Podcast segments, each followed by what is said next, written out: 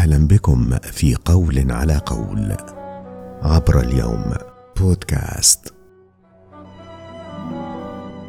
من فصاحة لغتنا العربية البيان والظهور بالألفاظ الظاهرة المعنى في اللغة والنحو والأدب المألوفة الاستعمال عند العرب. الفرق بين الحياء والخجل. الحياء هو الاستحياء والحشمة أي انقباض النفس عن القبائح والمعاصي وتوقيها مخالفة اللوم والعقاب.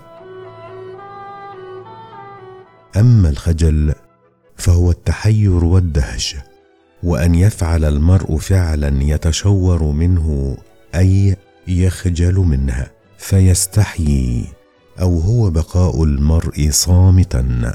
والخجل أخص من الحياء. فالخجل لا يكون إلا بعد صدور أمر لا يريده القائم به. بخلاف الحياء فإنه قد يكون لما لم يقع فيه المرء فيترك لأجله.